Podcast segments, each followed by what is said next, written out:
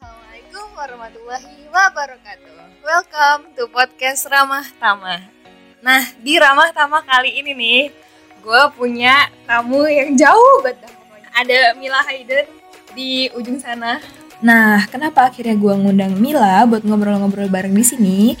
Jadi, sedari dulu itu Mila tuh punya interest yang lebih di bidang bahasa. Nah, dia juga sempat ngejabat jadi bagian bahasa, jadi kismulugo waktu masih satu sekolah sama gue.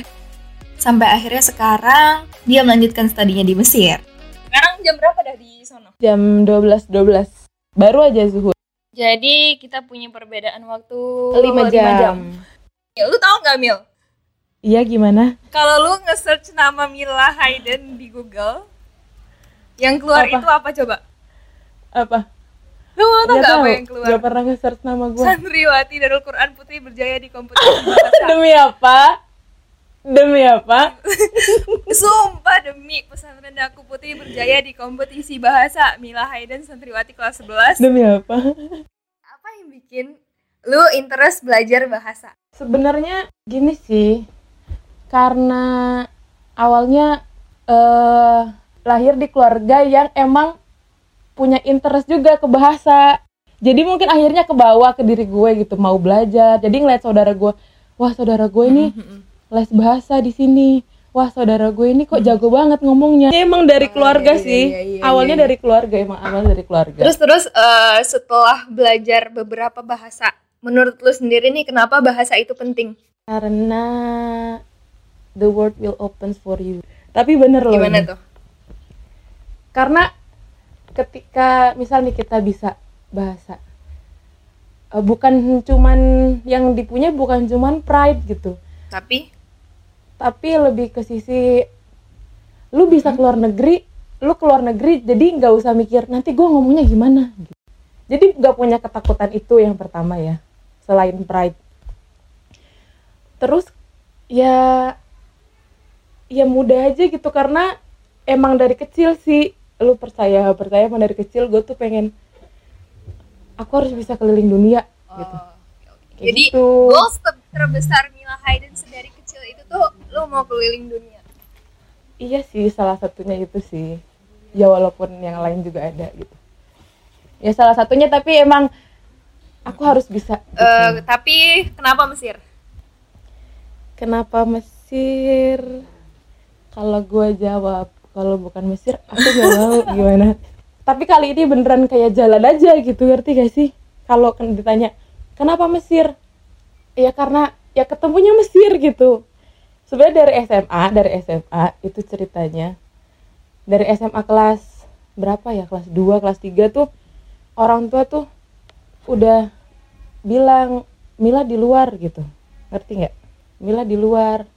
Dari sebenarnya waktu awalnya SMP, SMP pasti kita udah punya planning ya, terus Cak? terus.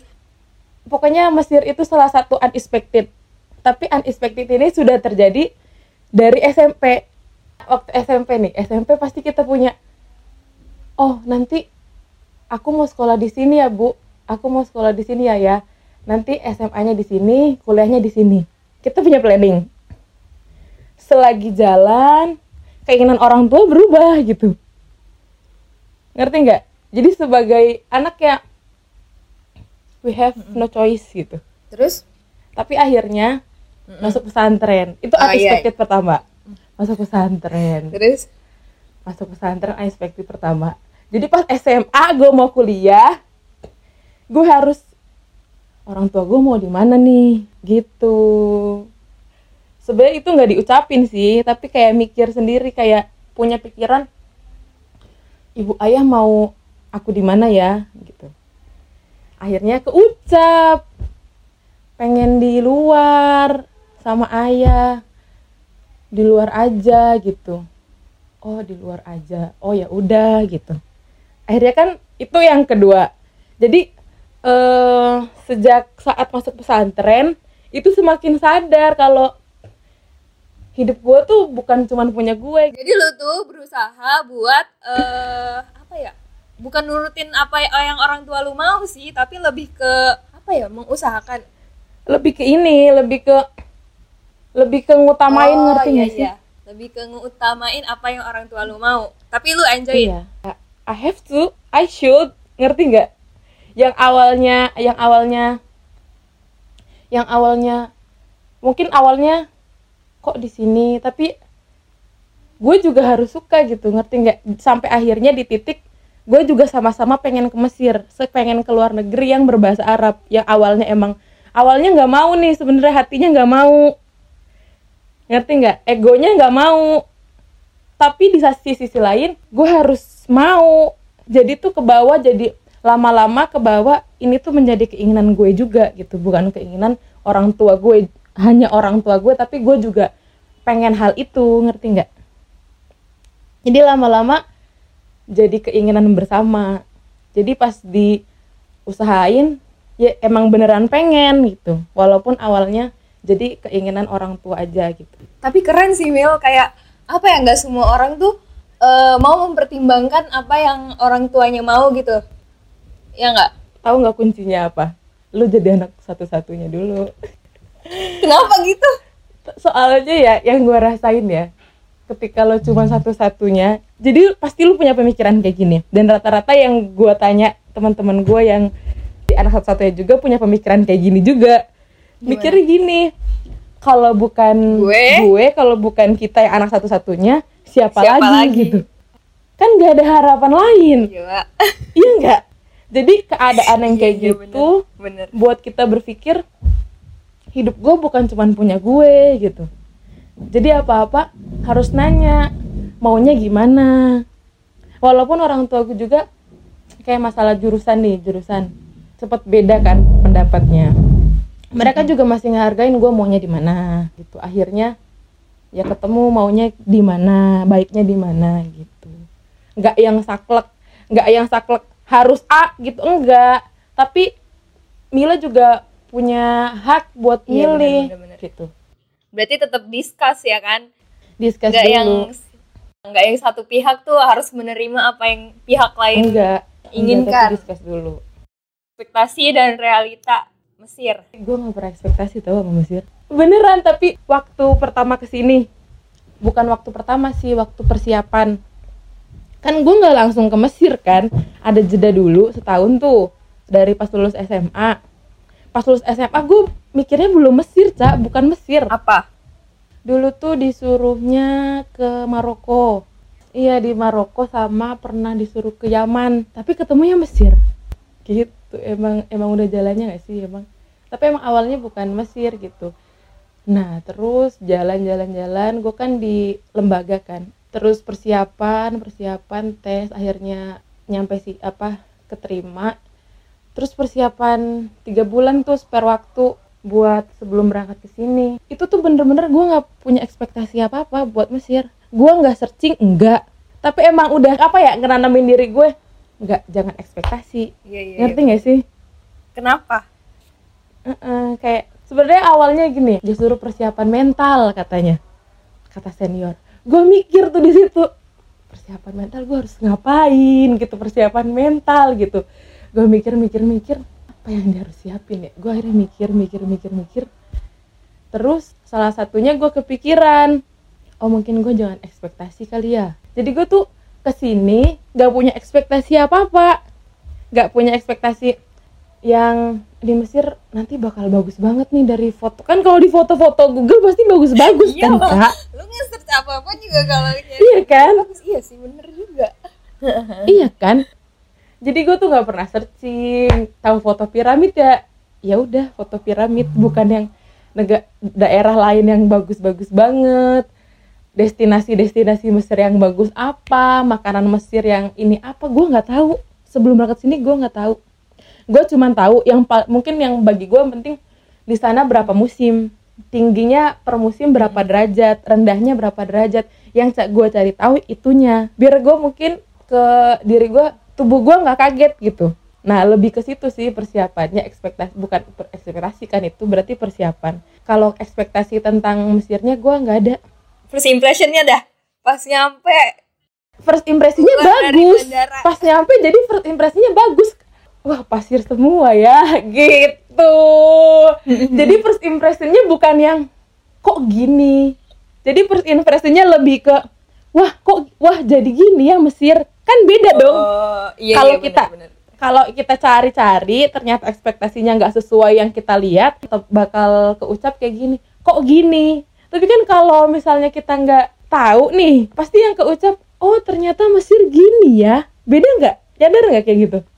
Iya, beda banget. Beneran kejadian beneran gitu dan nggak ekspektasi tuh emang jadinya tuh pas pertama ngeliat ah gue suka banget nih di Mesir nih gitu. Apa yang lu suka dari Mesir? semuanya aja semua aspeknya. Walaupun nggak nggak semua sisi kan pasti enak nggak semua sisi kan tapi semua itu tuh kayak ah, gue suka banget nih jadinya karena mungkin udah dari awal suka jadi mau agak agak nggak enak agak gimana tuh ketutupan karena kitanya udah suka Karena udah dari hati nggak sih? Karena emang ngejalaninnya dari hati, jadi gitu. Iya, pentingnya tidak berekspektasi menurut gue itu, aduh gue bersyukur banget nih nggak ekspektasi apa-apa. Karena pas sampai sini, oh gue jadi gue jadi suka karena nggak sedikit cak yang nyampe sini habis itu kecewa tuh nggak sedikit. Kecewanya lebih ke yang kayak tadi, yang kok gini Mm-mm. gitu. Kalau gue ya pasti ada sih, kok Mesir gini, tapi karena gue nya udah suka, jadi ketutup lebih, jadi lebih gede gue sukanya daripada gue gue ngebatin gak sukanya gitu, ngerti nggak maksud gue? Gue belum pernah homesick loh, keren banget gak sih? Sama sekali. Dah, udah berapa lama lu Sama. gak pulang? satu setengah berarti dari Desember, Dari pertama kali iya, datang? Desember 2018 Iya, udah satu setengah tahun. Berarti ini Ramadan kedua Iya, di sana. Ramadan kedua Dan gak Lu pernah homesick. gue SMA gimana Padahal terus. Cirebon. Sekarang Cirebon lu bayangin sekarang Mesir Cirebon lu gak pernah homesick sama sekali. Ada apa-apanya nih? kalau ditanya betah ya betah banget Betah banget. Nah, menua di Mesir atau di banget. Indonesia? itu jawabannya jelas Indonesia masih Gue kira setelah pertanyaan tadi lu bakal jawab Mesir. enggak Cak. tapi yang jelas nanti pas sudah lulus pengennya sih ya ke sini lagi tapi bukan buat stay gitu tapi staycation aja bukan stay yang lama gitu enggak Iya, iya, iya. iya. Berarti sekarang lu udah, Ya, pasti berarti sekarang udah ngampus gak sih? Apa masih persiapan? udah Oh, udah ya? Udah persiapannya tahun pertama itu. Oh, tahun setelah nyampe pertama. sini Hmm. persiapan bahasa. Mulai ngampus di tahun kedua. Di? Al Azhar. Di Universitas Al Azhar. Alhamdulillah. Terus terus gimana rasanya?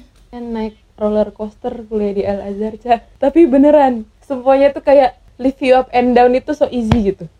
Kayak tiba-tiba deg deg deg deg deg deg deg abis tuh oh nyantai. Deg-degan lagi nyantai. Tapi tapi gue rasa ya Al Azhar ini Kenapa? keren sih. Kayak misalnya contohnya gue tuh mikirnya gini tau.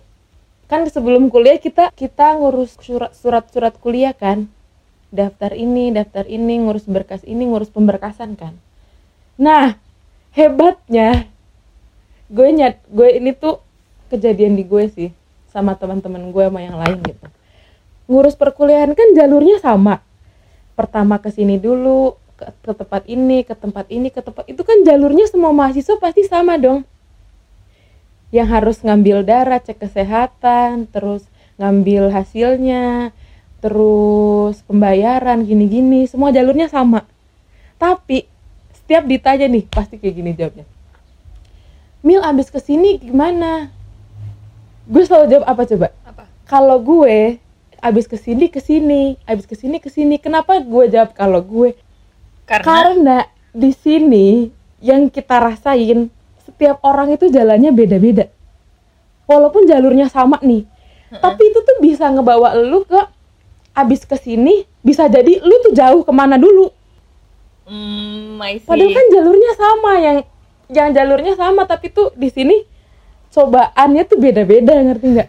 Wah gue tuh di situ wah bisa kayak gini ya Mesir kata gue gitu padahal jalurnya sama tapi permasalahan yang dilaluin itu Beda. bener-bener beda-beda setiap orang Ca. itu baru pemberkasan loh ya. Apalagi yang lain-lain. apalagi yang lain-lain. Kayak ya ya Allah.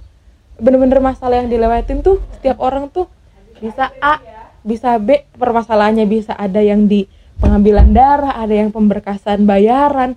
Itu bener beda-beda banget. Dan lu? Apa kalau gue lancar tahu alhamdulillah. Alhamdulillah, nah gue tahu nih. Setelah gue ngomong ya gue tahu nih kunci sukses terbesar. Mila.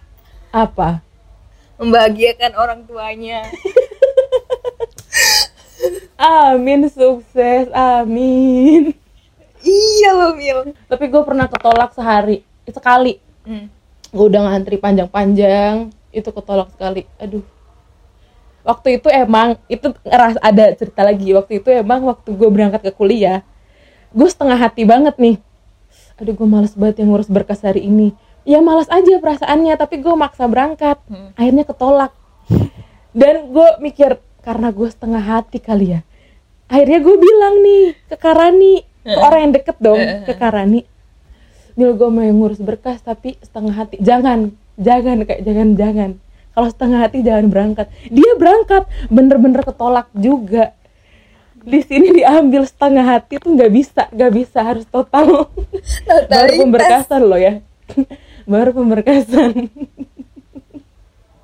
Pesan buat eh, teman-teman. gue selalu suka kata-kata ini.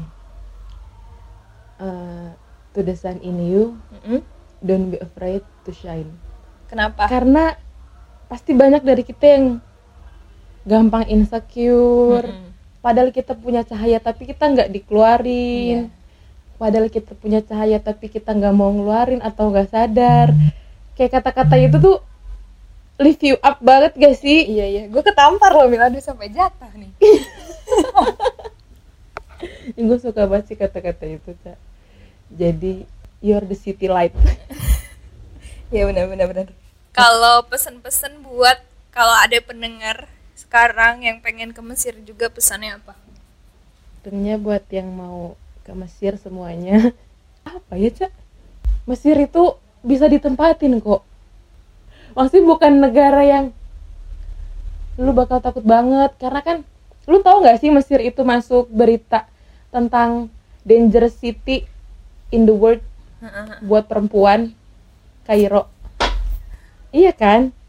Tapi kan kayak gitu sebenarnya setiap negara punya ketakutan punya kekerasan punya kejadian-kejadian masing-masing Oh, kan? Iya iya iya benar. iya nggak sih? Iya. tinggal gimana kita ngadepinnya gimana ya gimana kita ngadepinnya gitu dan jaga-jaga. Jadi kita lebih waspada aja gitu sebenarnya. Jadi jangan ngelihat sisi negatif-negatifnya. Pasti kita pasti denger nggak mau di sini. Soalnya di sini kayak gini ah nggak mau di sini soalnya di sini kayak gini. Jadi jangan ke fokus ke negatifnya gitu karena pasti positifnya lebih banyak gitu. Yang lu bisa cinta itu lebih banyak daripada lu takutin gitu. Kayak gitu sih. Oke deh. Mesir satu kata. Enggak satu kata.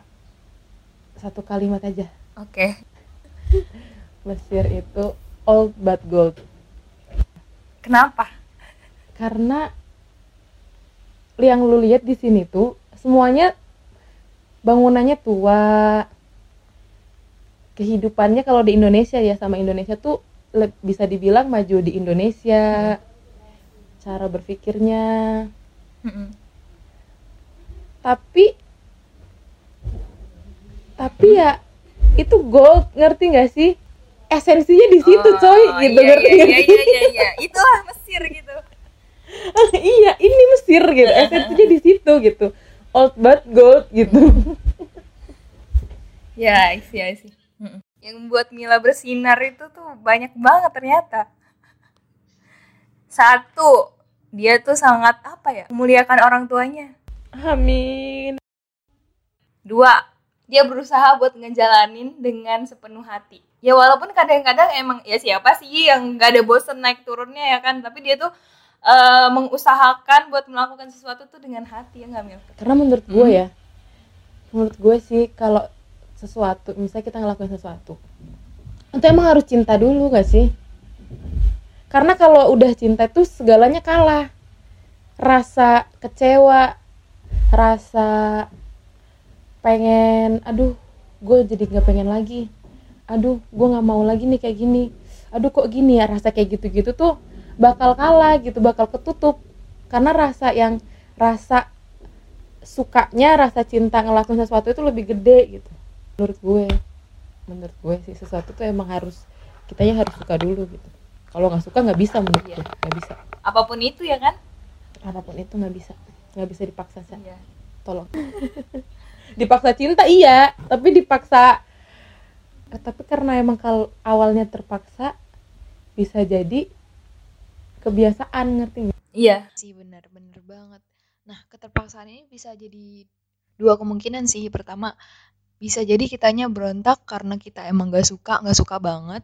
Dan yang kedua, karena bisa jadi kebiasaan. Nah, yang kedua ini nih yang eh, gimana caranya kita karena terpaksa jadi kebiasaan dan malah lama-lama jadi cinta. Hmm, nah berhubung udah lumayan panjang banget ini sesi kali ini dan yang pastinya semoga teman-teman bisa ngambil manfaat dari podcast kali ini. Makasih banyak Mila udah mau join ngobrol lagi bareng gue di sini. sip gue juga makasih loh thank you for having me Sampai jumpa di podcast Ramah Tamah selanjutnya. Wassalamualaikum warahmatullahi wabarakatuh.